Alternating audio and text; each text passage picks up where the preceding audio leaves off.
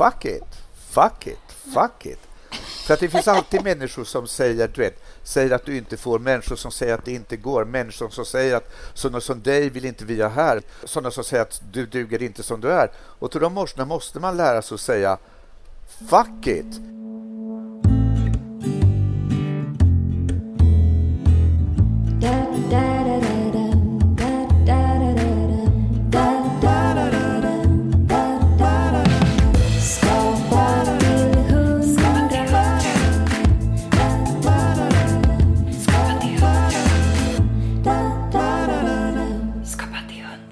Idag så gästas vi av ingen mindre, mina damer och herrar, av Jonas Gardell. Woo! Ja, Jonas, du är nog eh, den jag som allra minst behöver introduceras. Men om det skulle vara så att någon eventuellt har missat så börjar vi med att presentera dig med en liten hisspitch. Då. Jonas Gardell är en av Sveriges mest folkkära författare, komiker och kulturpersonligheter. Sen debuten 85 har han skrivit en mängd romaner, tv och filmmanus, shower, sångtexter som bland annat En komikers uppväxt och Tolka aldrig tårar utan handskar. I höst är han aktuell med sin show Man får inte leva om sitt liv, det är det som är själva grejen, som har premiär på Intiman i Stockholm nu i september. Dessutom är han precis aktuell med en ny roman, Fjollornas fest, som han pratar om för första gången här idag i Skapa till 100. Varmt välkommen Jonas. Tack. Ditt kreativa läge om du skulle eh, lägga det på en skala mellan 1 till 100, vad är den just nu? Eh, hörs mikrofonen? Ja. Eh, sommaren har utvecklats till den tid då jag skriver. Mm. Så jag bor ute i skärgården och eh, brukar skriva rätt intensivt och lurar mig själv att jag är ledig eh, genom att jag hinner gå promenader, ligga på bryggan och läsa Jane Austen och, och, och bada och så. så att, eh, och jag hinner mycket gjort. Så att jag har inte arbetat med naturligtvis den bok som är färdig och jag har inte arbetat så mycket med showen utan skrivit en eh, ny pjäs. Mm, spännande. Vilket, ja, det är jättespännande. För jag har inte skrivit en pjäs på många, många, många, många år. Mm. Och det är för att eh, jag har gjort väldigt mycket tv och film, men så tv-filmbranschen just nu utvecklas så så är den väldigt, väldigt algoritmstyrd från Amerika. Och eh, jag upptäckte att jag har suttit och förhandlat i tre år om en ny tv-serie. Och att jag är 60 år, jag kan inte förhandla i tre år. Då jag, alltså, jag har bara tio år kvar att jobba ifall jag har tur. Mm. Eh, liksom, eh, så att jag, jag tycker på att jag, jag kan inte hålla på med, med det här mer. Jag måste, tänkte om jag, om jag ringer Stadsteatern och frågar om de vill ha en pjäs så kanske det går snabbare. Och då sa de ja. Ja. Och då wow. vi göra en pjäs. Wow, vad häftigt. Ja. bra, wow. man tar saken i egna händer helt enkelt. Ja, lite. lite. För, för tv och filmbranschen just nu är för dum. Mm. Det är liksom... Det är, för långa ledtider. Svensk film har inte en chans. Och så, så att det är faktet. Jag har överhuvudtaget väldigt mycket i en faktet-fas av mitt liv. Men på riktigt, jag fyller 60 år och det är en utmärkt tid att säga fuck it till väldigt mycket.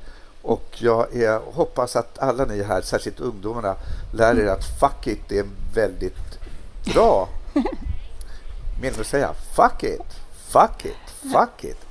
För att det finns alltid människor som säger, du vet, säger att du inte får, människor som säger att det inte går, människor som säger att sådana som dig vill inte vi ha här, sådana som dig, sådana, sådana som säger att du duger inte som du är. Och till de människorna måste man lära sig att säga fuck it. Eller som jag gjorde en sång 95 i en stor show där jag sa att man måste lära sig att säga shut up and suck eh, till människor som vill en illa. Att faktiskt vara den som identifierar vem jag är och hur jag vill leva mitt liv.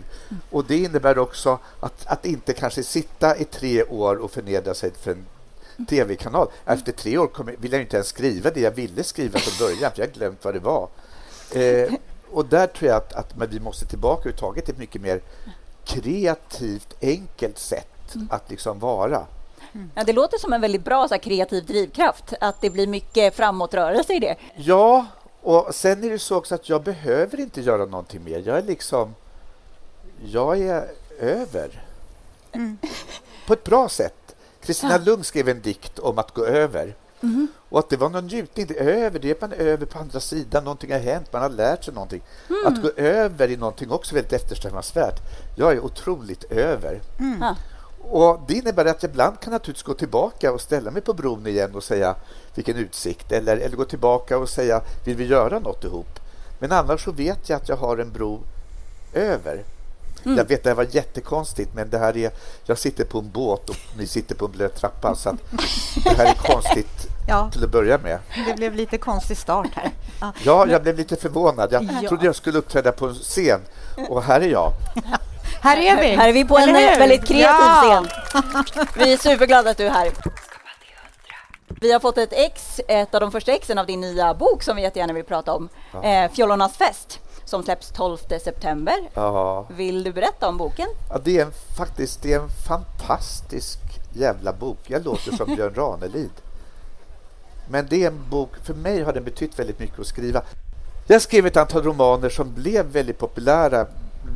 En komikers uppväxt, Fru Björks öden och äventyr. Ganska tidiga böcker för länge sedan. Eh, men sen så kom jag till en punkt där jag inte kunde skriva sådana böcker längre. Mm. Och då började jag skriva om Gud och Jesus och skrev teologiska böcker och blev hedersdoktor i teologi. Och de läser mig nu när man ska bli präst och pastor. Och, eh, och då lärde jag mig att researcha. Mm. Och då när jag ville gå tillbaka och skriva prosa kom jag på att jag måste beskriva, skriva min historia utifrån aids-perspektivet. Och då skrev jag Torkade tårar utan handskar som säkert några av er har läst eller sett. Och det var ju liksom mitt liv, men det var också en researchad bok. Mm. Och det där var någonting nytt för mig. Och sen skrev jag en bok som heter Ett lyckligare år som handlar om den första homokampen. För vi måste komma ihåg att vår historia, i det längsta har vi aldrig berättat vår historia. Mm. Vår historia har tystats ner och vår historia har varit en historia som vi inte fått kännas vid. Och med de här böckerna har jag velat skriva vår svenska historia. Men jag tyckte nog att för, förra boken, som jag tyckte mycket om, Ett lyckligare år, har någon hunnit läsa den? Ja, några har läst den, vad bra. Eh, jag tyckte jag blev lite väl mycket folkskolelärarinna. Jag är ju väldigt folkbildare nu, men jag är ju hedersdoktor tre gånger för jag är så duktig på att bilda folk. Men med den här boken bestämde jag mig för att utan att berätta vår historia så vill jag underhålla skiten ur läsaren. Mm. Helt enkelt, det här är en bok man blir förförd av. Mm. Det är den är väldigt filmisk. Har ni hunnit läsa den? Ja, ja. ja visst. Håller ni med om att den är som en film? Ja, ja men verkligen. Och med lite Man... olika paralleller som korsklipps ja. sådär. Som är men det, och det är extremt mycket mm. dialog. Mm. Mycket filmiskt. Och, eh, och att det är... Och för mig blir det en tillbakagång till de här böckerna jag skrev innan teologiböckerna, En komikers uppväxt och Fru Björk. Mm. Och därför så omslaget har exakt samma typografi som är handgjord som En komikers uppväxt. Vilket för mig var ett sätt att visa att jag på något sätt återknyter till de där tidiga mm. åren i mitt liv. För det är ju över 30 år sedan. Jag är ju ja. ganska gammal.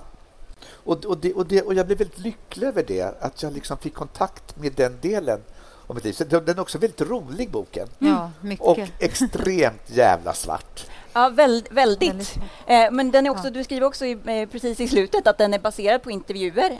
Vill du berätta det, om ja, alltså, processen? Alltså, det är, alltså, Fjollornas fest är Alltså på riktigt. Eh, eh, min förra bok handlade om de första prideparaderna. Pride-paraderna.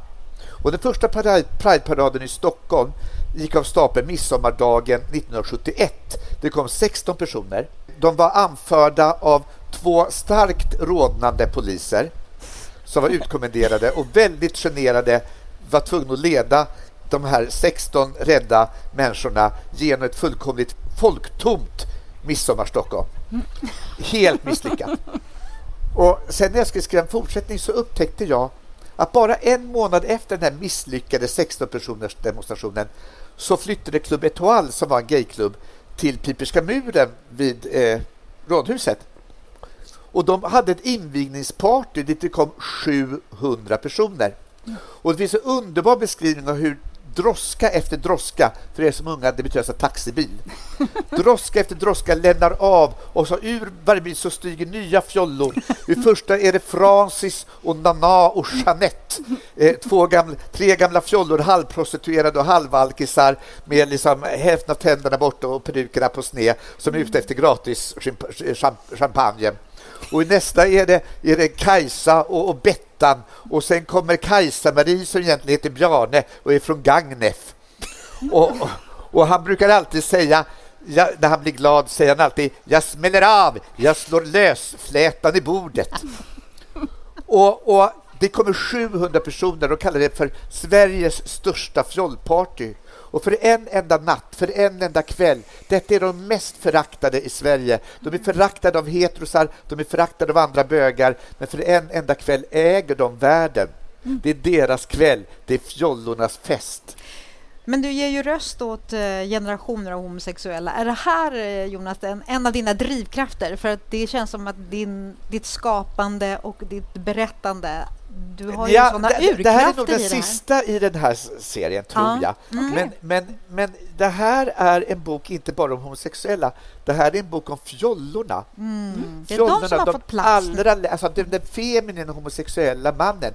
Den som är allra lägst ner på skalan. Den som ingen... Det finns ett citat. Hör här, alltså det här är en homosexuell aktivist som på 70-talet skriver om eh, eh sina med systrar, de andra fjollorna. Så här alltså beskrivs... Vänta, hade jag glasögon? Jag har glasögon. Så här beskrivs alltså fjollorna av en homosexuell aktivist.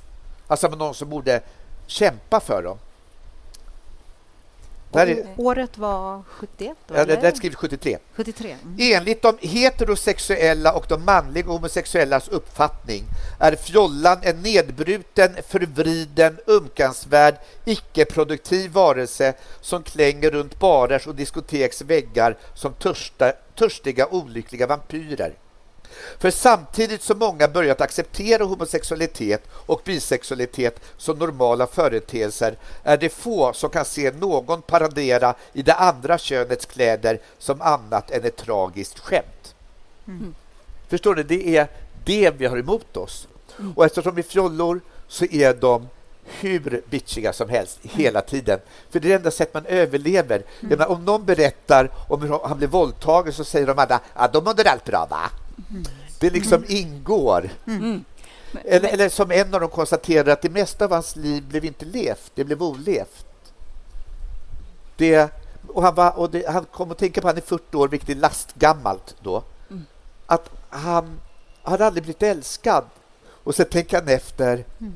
Och så sa han, jo, när jag var 13 år, då var jag ihop med en militär på 35 och han berättade en gång för mig att han tänkte på mig när han runkade.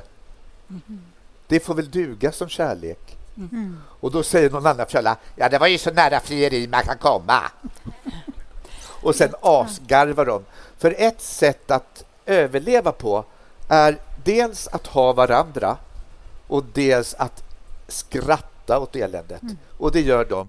Mm. Så det är en väldigt smärtsam bok och det är en väldigt rolig bok. Mm. Och så handlar den också, förutom de här fjollorna, som sitter och festar i natten. Så långt borta i en förort ligger en åttaårig pojke och ska sova. Mm. Och samma kväll har hans mamma för första gången... För att föräldrarna anar att det är något vekt med pojken, som de säger. Mm. Och de har varnat honom för att ta emot godis från främmande farbröder. Och han undrar väldigt noga vilket godis det är att han vill gärna att det ska vara tutti frutti-tabletter. ja. Och han vet på en gång att han kommer att följa med. Mm. Han kommer att följa med och han börjar längta efter den främmande farbror. Mm. Och han förstår att den främmande farbrorn kanske gör honom illa. Men han vet att han aldrig kommer motstå den främmande farbrorn som bjuder på tuttifrutti-tabletter. Mm. Och han väntar och väntar och väntar. Tills han, och han, han, är väldigt mobbad i skolan för att de säger att han är så feminin. Mm. Och han förstår inte ens vad det är. Mm. Jag fick en otrolig lust att läsa ett kapitel. Får jag göra det? Ja, Absolut, scenen är din. Visst vill ni höra? Ja. Eh, jo, alltså mamman är väldigt... Eh, eh, eh, eh Mikaels mamma är en kedjerökande eh, liten eh, hispig kvinna som väldigt snabbt glömmer vad hon ska prata om. Men hon fick inte hem det här med att, med mannen, med att varna för mannen med godiset eftersom han bara vill ha godiset. Så nu eh, har, ska hon varna honom igen för främmande farbröder. Ja, det är ett ganska långt kapitel, men jag tycker det är lite roligt. Nu läser jag. Är ni med? Eh, mamman kände kanske att hon måste bli mer explicit i sina varningar till pojken. Å andra sidan var hon själv en smula pryd. Och hur berättar man om något som inom ett barn ännu inte ens är väckt? Som sexualiteten. Att vuxna gjorde saker med varandras könsorgan det var ibland absurt till och med för henne själv. Hon tänkte på vad hon och hennes man faktiskt gjorde, även om det var skönt och så. Men någon dag senare prövade hon att för pojken utveckla vad den främmande farbror med godiset kunde tänkas vilja med honom. Närma sig ämnet, men ändå inte. Hon hade bestämt sig för att säga och sa också det kan komma en främmande farbror fram till dig om du till exempel går i en park inne i stan och ber dig om att kissa i hans hatt. Detta gjorde pojken mycket häpen. Det var nästan inga män som använde hatt när han växte upp. Mössor var mycket vanligare. Det enda han kom på att fråga var därför, vad då för en hatt? Och då började hans mamma fantisera. Mammas fantasi vandra igen och hon försökte föreställa sig hur den främmande mannens hatt såg ut. Den var liksom, hur skulle hon beskriva det, grågrön i något filtliknande, ganska styvt material. Den hade ett band i mossgrönt, siden var det väl, och troligen en fjäder också. När hon närmare, tänkte närmare på det, absolut en fjäder, en liten brunröd fjäder.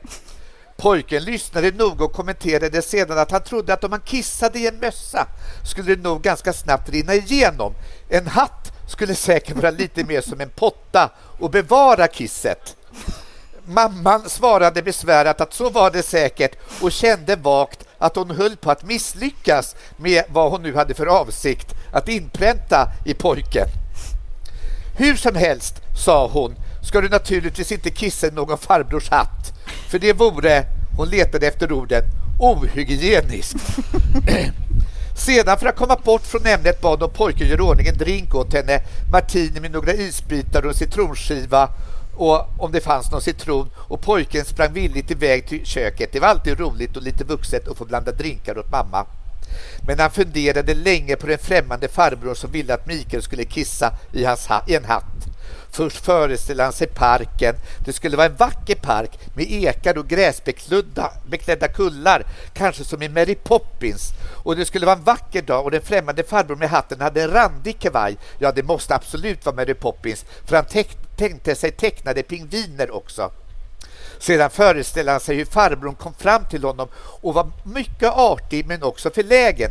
Och det kunde Mikael förstå. Det måste vara oerhört pinsamt att be om en sådan underlig tjänst och den främmande farbrorn måste säkert uppboda mod för att våga fråga och Mikael tyckte därför uppriktigt synd om den främmande farbrorn och bestämde sig där och då för att om någon någonsin bad honom att kissa i en hatt skulle han ställa upp. Även om det var hemskt konstigt. För man ska vara snäll om man kan. Dessutom genomgick pojken just de här åren i intensivt kristen fas eftersom hans pappa, efter att hans pappa tagit med honom och sett Ben Hur på bio. I filmen hade den oerhört stiliga Ben Hur gett en fånge att dricka ur en vattenskopa. Så tacksam den fången blev. Och vilken himmelsk lycka och lite röta för Ben Hur, för det var Jesus och i slutet hade frälsarens blod som rann från korset blandats med regnvatten som sköljt Jerusalems gator rena och gjort Ben-Hurs mamma och syster friska från spetälska där de dvälldes utanför staden i de spetälskas dal. I flera månader efter biobesöket bad Mikael innerliga aftonböner på knä vid sängen och han hoppades intensivt att några fastkedjade fångar skulle gå förbi på grusvägen utanför deras hus i Åkervalla så att han kunde springa ut med en skopa vatten åt dem och förstås försöka räkna ut vem av dem som var Jesus så att han gav åt rätt person. Nu hade han ingen, inte, ingen riktig vattenskopa så han valde mellan ett decilitermått i ljusgul plast och en soppslev i rostfritt stål. Han trodde att decilitermåttet kanske skulle rymma mer vatten och var lättare att springa ut med. Soppsleven var å andra sidan tjusigare. Fast några fastkedjade fångar kom nu aldrig förbi deras hus. Så som god gärning kunde kanske detta att kissa i den främmande farbrors hatt fungera som en fullgod ersättning även om man misstänkte att Jesus inte blivit fullt lika tacksam om Ben Hur bara gått ut och kissat på honom. I fantasin lånade Mikael nu farbrors hatt som var en stråhatt, inte alls sådan som mamma beskrivit den. Och han gick bakom ett träd för att kissa medan farbrorn väntade och sedan kom han tillbaka till farbrorn och överlämnade stråhatten som nu var fylld till bredden med kiss och farbrorn blev i hans fantasi så strålande glad att Mikael inte kunde låta bli att lyckligt utropa Gå i Guds frid! Jonas Gardell. eh, och för mig är det här just ett barn, han vet inte vad, han vet mm. inte. Ingen har, spegl, ingen har hållit upp en spegel. Han måste göra sig föreställningar mm. om det här. Så han är ju helt chanslös. Man, sympati man sympatiserar väldigt mycket med den här lilla Mikael ja. eh, i hans liksom, åttaåriga värld. Eh, det känns väldigt liksom, relaterbart fast han resonerar så konstigt liksom, för att han är ett barn. Eh, men tänker du att man förändrar samhället med berättande? Eller är det liksom en del av Vi förändrar alltid samhället med berättande. Mm. Och, vi för, för, och, vi, och vi förändrar alltid samhället genom att, att läsa historier om människor vi inte är särskilt lika och som vi inte från början trodde att vi skulle känna igen oss i. Och därför tycker jag vi har ett problem nu när det är så jävla känsligt med vem som får vara vad och vem som får ha, eh, representera vem. Kulturen går ut på att vi låtsas, att vi, att vi upptäcker vi kan identifiera oss med människor vi trodde vi från början inte hade något gemensamt med. Mm. Och jag tänker ibland att om den här pojken, eller om jag, för det ligger ganska nära min historia, om jag hade fått någon som kunde komma till mig i min barndom och säga att det du är är faktiskt okej. Okay. Mm. Det är... Om en underbar drottning hade kommit till mig så hade jag kanske sluppit åka in till stan och bli uppnosad av pedofilerna och rovdjuren mm. och bli så, blev, bli så grundligt våldtagen som jag blev som barn och som eh, nästan alla homosexuella män har blivit. Mm. Och där tycker jag det allra sorgligaste när till exempel Sverigedemokraterna rasar mot dragqueensen. Att de inte bryr sig ett dugg om barnen. De bryr sig inte om de barn som går under. De bryr sig inte om, om de barn som tas av rovdjuren. De bryr sig bara om att få upprätthålla idén om att ett enda sätt att vara på är det normala och inga andra speglar behövs. Mm. Och Det gör tror jag att den här boken, i all sin rolighet och sorglighet, landar pladask i vår svenska samtid och med den debatt som är nu. Mm. Det tycker jag är väldigt spännande. Det tänkte jag verkligen på när jag hade läst färdigt. Jag blev oerhört gripen. Tycker du på något sätt att genom decennierna är situationen bättre idag? Nu blev vi väldigt allvarliga. Alltså, ja. Det är fortfarande så att, eh, att nästan alla hbtq-barn... Det finns en extrem överproportion på barn som upp, att hbtq-barn som utsätts för sexuella övergrepp och pojkar som gör det. Och pojkar som utsätts för sexuella övergrepp blir ifrågasatta både i sin sexualitet och i sin maskulinitet. De vågar i regel inte berätta det för någon, allra minst för sina föräldrar. Och de har en omvärld, skola, föräldrar som inte vet hur de hanterar det heller. Bara det att de i så fall måste säga vet föräldrar säger, men hur hamnar du i den där lägenheten med den där gubben? Mm. Vem är du då? Alltså det är jättesvårt. och också att svenska samhället, eh, pojkar som blir våldtagna eh, sorteras i Sverige under rubriken mäns våld mot kvinnor. Oj. Alltså förstår ni? Ja. Det är inte ens, vi, vet inte ens, vi går inte ens med på att det är. Eh, vill ni veta något annat lite otäckt? Sant. Barn, pojkar i dagis som blir utsatta för sexuella övergrepp gentemot flickor som är utsatta för sexuella övergrepp på, på dagis idag, Sverige 2023. Det upptäcks allt mer sällan. Det utreds mer sällan. Utredningarna no, äh, äh, hamnar allt, ännu mer sällan till rättegång och det blir allt äh, mer sällan fällande domar. Och om det blir en fällande dom får förövaren, pedofilen, lägre straff. Mm. Sverige 2023. Ja. Visste ni det? För om ni visste det, varför är ni inte argare? Ja. Förstår ni? Och det här är... Och jag är en arg fan. Mm. Och men Frölundas fest är otroligt underhållande, hoppas jag. Men det är också en sorts beskrivning av barn och människor som samhället i det längsta inte har velat se. Mm. Och jag vill att göra den så underhållande för att ni ska älska dem. Mm. För att ni ska ta de här Bettan och Kajsa och, och Ros, Rosa och Jeanette och Nanna till era hjärtan. Ska vi, ska vi prata lite om hur den kom till, alltså rent mer, lite mer operativt? Var, var är du någonstans när du skriver? Alltså, det är ofta på landet eh, på sommaren, för jag regel turnerar och gör för mycket annat på hösten. Eh, jag trodde att det här skulle bli då en torr och tråkig fortsättning på eh, Ett lyckligare år och jag skulle skriva om eh, kampen i RFSL 1972 men de var så fruktansvärt jävla tråkiga. Förlåt, det var de verkligen. Hemskt fina, men de var byråkrater allesammans, jättetråkiga. Ja. Och, va, va, och, och, när jag hittade den här historien så blev jag så väldigt glad. Sen har jag i 15 års tid annonserat efter äldre bögar åkt hem Oj. till gamla bögar och intervjuat dem för att deras berättelser inte ska försvinna. Okay. För att de inte ska gå i döden utan att någon lyssnade på dem eftersom vi inte har lyssnat på dem. Mm. Så jag på vinst och förlust har intervjuat gamla gubbar som har berättat sina liv för mig. Och Det gjorde jag för 15 år sedan redan. Och Sen så håller jag på och bygger nu har massor av berättelser av de här gamla, gamla fjollorna. Och som berättade underbara berättelser om alla, alla gamla fjollor. Margarinmajsan och Djurgårds-Emma och Tåkajsa. Och Tåkajsa, ja, hon hade massage. Massage på, på Sibyllegatan och dit kom en mexikansk sångerska. Och ni förstår när hon lades upp, den här mexikanska sångerskan, så braka hela massagebordet i, i golvet. Och, och där låg mexikanska med fittan i vädret. Och då var det någon annan som sa Hörru du, var du där när den där mexikanska låg med fittan i vädret? Så? Jag har hört det från så jävla många fjollor så att ifall det, var, det verkar som hela Stockholms jävla stadion var hos Tågkajsa när mexikanska låg med fittan i vädret. Och det är väldigt roliga historier.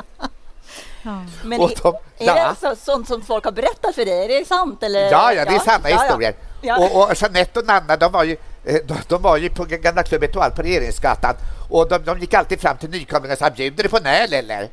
Bjuder du på en öl?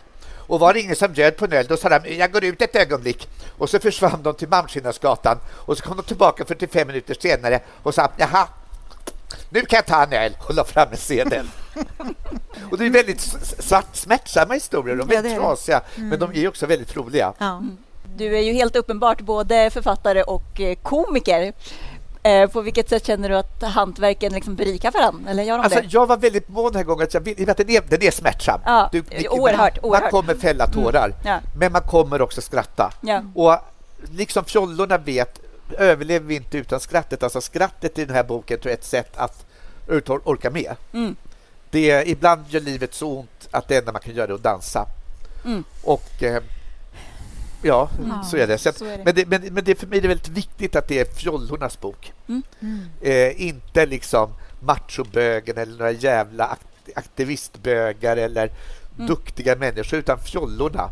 Mm. Jag är väldigt förtjust i fjollor. Mm. Utan fjollan stannar Sverige. Amen. Amen. Amen. Du är aktuell med en föreställning eh, alldeles strax. Ja. ja. Vill du berätta om den? Ja, eh, eh, eh, den heter Man får inte leva om sitt liv, det är det som är själva grejen. Och ja, ja, jag kommer just från kostymören, jag kommer ha så väldigt fina, jag kommer ha jättefina flam, ett flamingotyg med rosa flamingos mot en ljusblå botten och massa mm. stenar. Jag kommer se ut som en pensionär från Florida.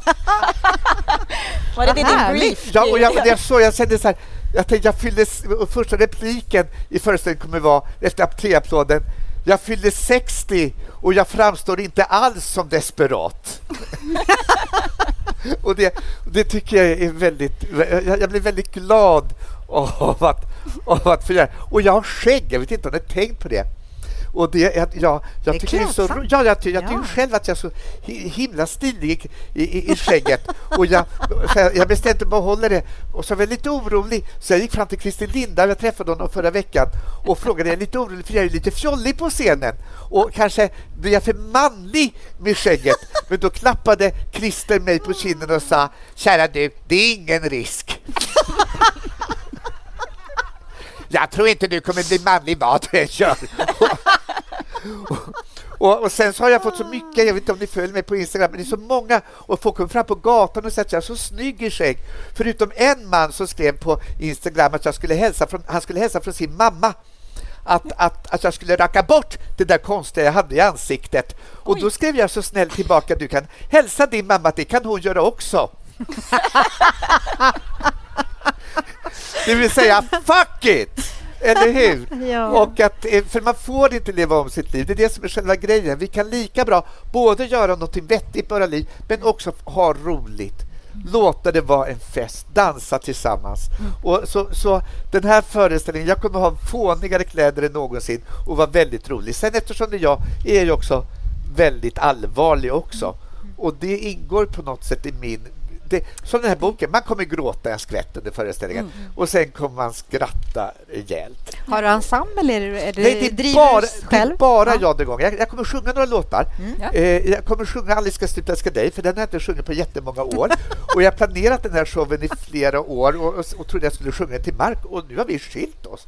Så att ja. jag vet inte. Så jag tänkte, jag får väl sjunga den, men då tänker jag att om vi sjunger den tillsammans så kan vi sjunga den för alla de som både lyckas hålla ihop och misslyckas. Mm. För det är fan inte lätt. Nej. Så att ni får komma och sjunga Vi ska sluta älska dig med mig. Det kommer bli jättefint. Ja. När bestämde du att du skulle sätta upp den här showen? När, hur uppkom ja, det är den? det är ganska många års förberedelse. Mm. Och eh, framförallt så visste jag att, den, att, att jag ville vara en soloshow och så visste jag att, det skulle vara, att den skulle vara hejdlöst rolig men också att jag är så, alltså det är, det är någonting jag tycker är väldigt spännande med, med livet. Bara det att överhuvudtaget att vi finns till tycker jag är spännande.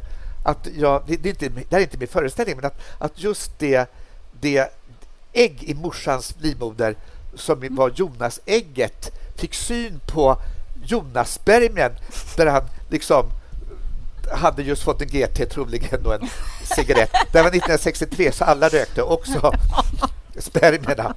Också spermierna, ja. Och, vet, och, och, och, och morsans ägget här kom hit och, och fjollspermien jag vet inte varför kom ner på, och så smälte de samman och, och, och det som var jag började bildas och, och regnbågsfyrverkerier utbrast i morsans livmoder. Och, och jag, jag, jag, jag, tycker det är fantastiskt att jag finns till. Och, och jag, jag hade lika bra kunnat hamna i morsans farsans kondom. Jag menar, troligen, jag menar, risken hade varit otroligt stor. Alltså jag skulle hamnat i farsans kondom. Han hade dem i nattduksbordslåda. Jag stal den när jag var tonåring för att ha i en plånbok. För att varje gång man tog upp plånboken när jag var tonårspojke, alla killar skulle ha en kondom i plånboken, så bara lite nonchalant skulle liksom råka synas. Så här, åh, för jag, jag, jag ligger så mycket att jag, Alltså, ja, alltid behöva en kondom i, i plånboken. Min kondom, den var så jävla gammal. Den faktiskt torkade fast i plånboken. Den var som en bok som inte blev läst. Den var som en sång som inte blev sjungen. Och alltså killarna, alltså jag vet inte, det är några som är ungefär i min ålder. Alltså jag tror vi hade ju inga pengar. Vad skulle vi med Jag tror man hade plånbok bara för att den här kondomen skulle sticka upp. Jag hade en gammal kondom och sen hade jag, jag hade tappat en stortånagel när jag var 12 år. Av någon obegriplig och ganska äcklig anledning så förvarade jag min stortånagel i, i, i plånboken också. Ja. En torkad kondom och en stortånagel. Det gick hem hos tjejerna. Det gick hem. Det är, någon tjej sa jag ska ha en äppelpaj på McDonalds. De var ju goda. Kommer du ihåg äppelpajen på McDonalds? Jävla goda kanel och de var lite varma. Och jag sa, hej sköna fröken, får jag stå för kalaset? Och var jag här? Åh! Oh.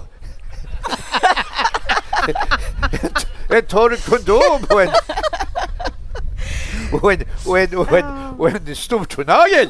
Här blir det åka av. Det blev ju inte det. Nej. Nej men så att jag, och jag är så glad att jag inte hamnade i den här kondomen. För att, att jag får leva liksom ni får leva. Och en gång kommer jag vara en av alla dem som levde för länge sedan. Mm. Och min frid kommer vara oändlig så som havet. Vet ni vad det var? Är det någon Nej. som vet? Nej. Per Lagerkvist. Mm. En, den liksom så. En gång kommer du vara en av dem som levat för länge sedan. Mm. Men det vi alla har gemensamt, där vi råkar leva nu. Vi råkar vara här och därför, varje kväll jag står på scenen med publiken framför mig, så vet jag att din publik, de här människorna kommer aldrig träffas igen på det här sättet. Och nu har vi några ögonblick då vi kommer samman mm. och vi skrattar och vi gråter. Och jag lyckas, jag misslyckas, ni lyckas, ni misslyckas. Och så dansar vi och sjunger disco tillsammans. Eh, och jag tycker det är fantastiskt mm. att det är så. Och det finns ett jävla extra nummer som är så satans jävla påkostat. Och bara det ska bli så roligt att göra. Oh, så att, eh, ja, det är väldigt, väldigt kul mm. att vara till. Och förresten, första gången, det här är faktiskt en textig föreställning när jag pratar om kondomerna. Däremot inte spermien, för det kommer inte komma med. Men det är roligt med kondomer. Att första gången jag prövar kondom, och det tror jag också, jag tittar på någon annan äldre man där. Jag vet inte hur gammal du är, men du är ungefär min ålder tror jag. Hur gammal är du i gröna glasögon? 58, precis. Du är till och med yngre mig, ditt jävla as. Men första gången man använde kondom var, det inte när man var ihop med en tjej. Och när jag prövade första gången var det verkligen inte när jag var ihop med en tjej. Utan man prövade själv, eller hur? Man liksom ville se att allt funkar. Och, och, så, och eh, jag fortfarande, eller hur? Vilket håll det ska rulla åt. jag har fortfarande aldrig... Jag, och, och, i min ålder, innan jag har förstått hur det ska rulla, jag har ju inte stånd längre, det är, det är helt borta. Men, och sen så gör man det själv, vet, som pojke, eller hur? Man kan ju inte Ja, ja. Och efteråt, jag var så jävla rädd att min mamma skulle hitta det, för min mamma var ju frireligiös. Så jag sprang fan en halv mil hemifrån och slängde ifrån mig kondomen i ett dike. Och ändå var jag skiträdd att morsan skulle komma, komma hem så här, titta vad jag hittade Jonas. Ja, mammor och bara alltså. ett halvår ja. hemifrån i ett dike. Jag är väldigt förtjust i att jag inte hamnar i kondomen. Mm. Som de allra flesta gör. Ja. Men var är du nu i skapandeprocessen? Nu är det premiär om tre veckor Jag ungefär. försöker lära mig texten. Ja. Eh, nej, om, ja, en månad. En månad, okay. Jag, försöker, jag ja. försöker lära mig texten, eh, vilket i min ålder är väldigt svårt. Mm.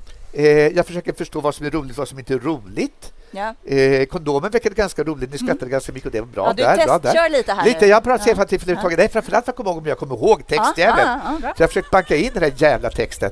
Eh, eh, sen så har Johan Glans ska regissera ah. och det tycker jag är roligt. För att, att, det allvarliga är jag inte rädd för, för jag vet att, att jag får folk att lyssna när jag är allvarlig. Men jag vill vara säker på att det blir tillräckligt roligt. Yeah. Och, eh, och sen så ska jag försöka va, hoppas att det säljer biljetter. Jag inbillar mig alltid att det aldrig ska sälja biljetter. Mm. Jag tror aldrig att det kommer komma människa. Så jag blir alltid väldigt förvånad att det kommer folk. Mm. Men jag har ringt mitt, de som, mitt produktionsbolag och sagt att de får göra all reklam nu för jag, jag måste koncentrera mig. Ja. Men, men eh, det här är reklam, så kom och titta. Mm. Mm. Eh, men jag, och så försöker jag sova om natten för jag blir mer och mer nervös. Jag är väldigt nervös inför premiärer. Ja. Efter premiären är jag inte ett dugg nervös, men jag är väldigt mm. nervös inför premiärer. Ja. För att jag vill inte vara, jag vill inte vara som den fast hoptorkade kondomen i min tonårsplånbok. Förstår ni? Jag vill ha en bok, inte vara en bok som aldrig blir läst, aldrig, inte vara en sång som inte blir sjungen. Mm. Utan jag vill ju naturligtvis att folk ska komma. Men du som har så mycket framgång, har du fortfarande en inre kritiker? Finns det, det har vi ju alla förstås, men hur, hur hanterar du det i kreativa processer? Jag tror att med tiden, alltså med åldern så lär man sig dels att förlåta sig själv lite mer. Mm. Och man har inte heller, jag har färre år kvar. Nästan alla mina eh, vänner som har blivit sjuka eller blivit äldre, som till exempel Lena Nyman, eller yeah. Lena Nyman eller Rickard Wolff, de hade ju KOL båda två. De hostade väldigt mycket. De var så sjuka så att de blev bättre skådespelare för de hade inte tid att larva sig längre. De var tvungna att gå mm. direkt på. Mm. Och ibland när vi blir äldre så är vi lite mer så här, fan, jag kan inte be om ursäkt längre. Jag kan inte fråga om lov mer. Jag måste bara gå rakt på det jag ska göra, det viktiga. Mm. Och det tror jag jag gör i den här föreställningen. Det tror jag. Den här bokjäveln är kort också. Ja. Det är jag hemskt nöjd med. Mm. Jag ska bara skriva korta böcker mm. efter så mm. kanske jag hinner med någon till. Ja, det hoppas Och jag ska göra korta föreställningar. Den nya föreställningen var 1.15 eller 1.20. Mm. Folk säger ja, herregud, jag behöver komma hem. Komma i säng tid. Ja, her herregud. Och ni också, herregud. Det, färdtjänst. Det, blir det lättare eller svårare med åren liksom, att skriva böcker eller skriva Det är svårare och svårare. Jag har ingenting ja. mer snart att berätta. Eh, men det här med att jag varje gång jag skriver en bok tänker jag nu är jag slut. Det kommer aldrig komma något mer. Jag upptäckte, jag hittade en intervju där jag sa det 87. Så jag tänker att det är en sorts process hos mig att tycka ja. att jag alltid är slut. Mm. Och att jag alltid är, är ingen ska komma och ingen vill ha mig.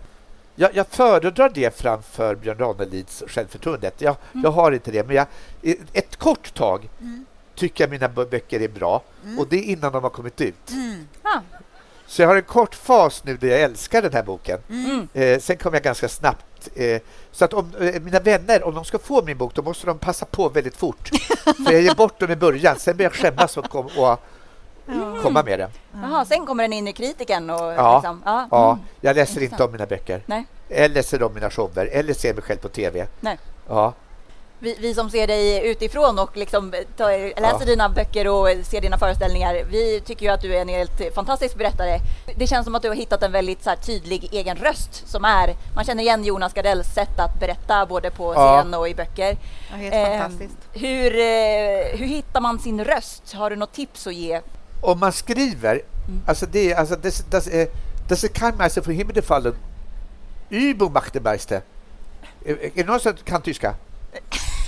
Das ist kein Meister från himlen gefallen, macht Meister. Ingen, ingen mästare faller från himlen. Det vill säga skriv, skriv, skriv. Och Det handlar inte om att du ska skriva för att du ska ge någonting ett ansikte eller representera någon annan. Du skriver för att du måste ta reda på någonting om dig själv. Och Om du skriver eller dansar eller sjunger eller vad du gör, bakar, men du måste ta reda på vem du är. Skriv. Och om det är allmängiltigt så att det ska komma ut i bokform, även om ingen annan förstår det så är det viktigt att du skriver, så skriv. Det är det första. Skriv, bara håll på. Mm. Fuck it. eh, det andra är att eh, på riktigt att låt ingen vara den som definierar ditt eget liv. Och när folk säger att du inte får och inte kan, alltså jag ska inte säga fuck it, förlåt, det, det jag ska inte svära, jag är otroligt...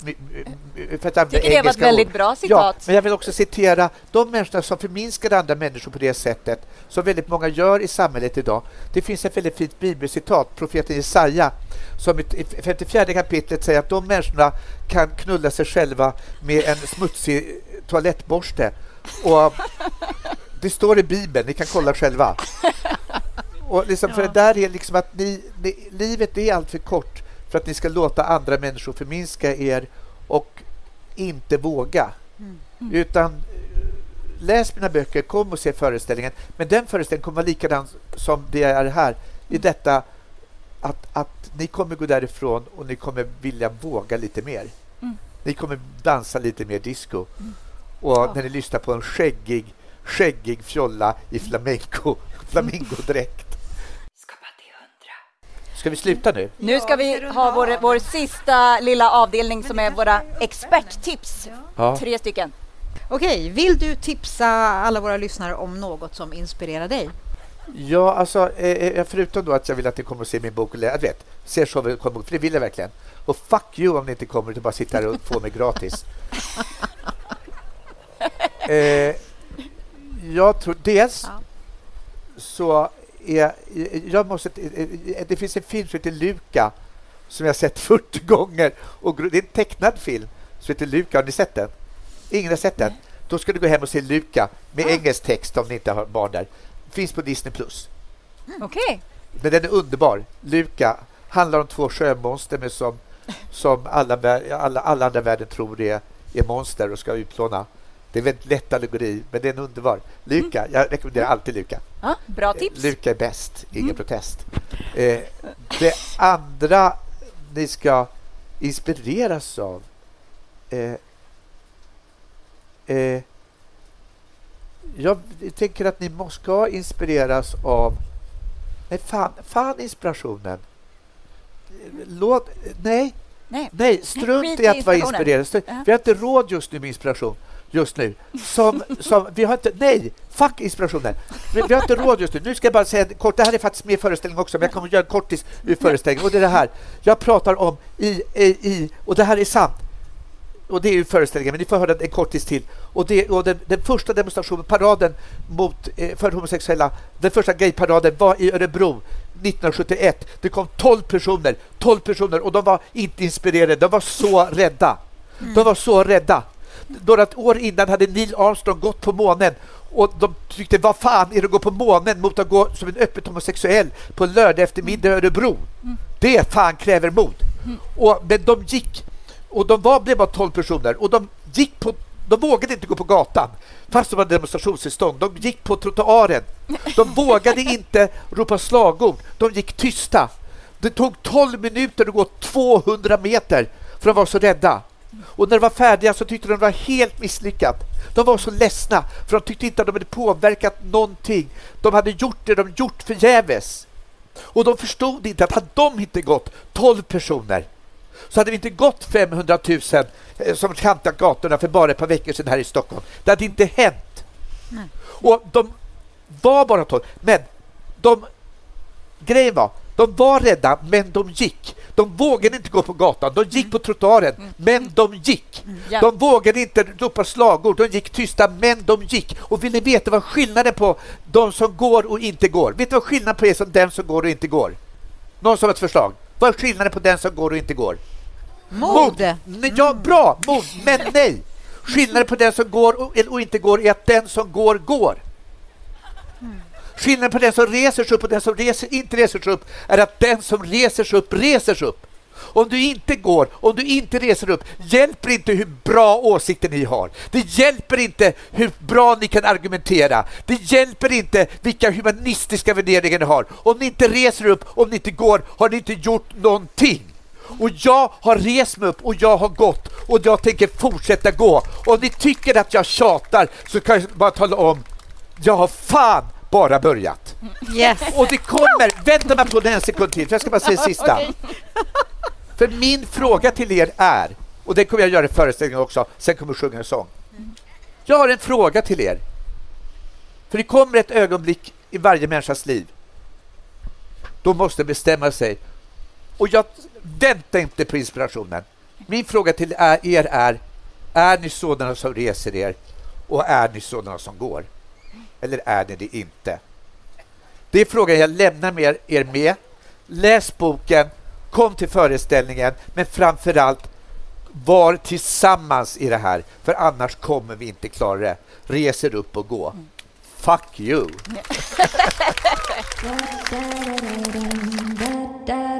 Skapa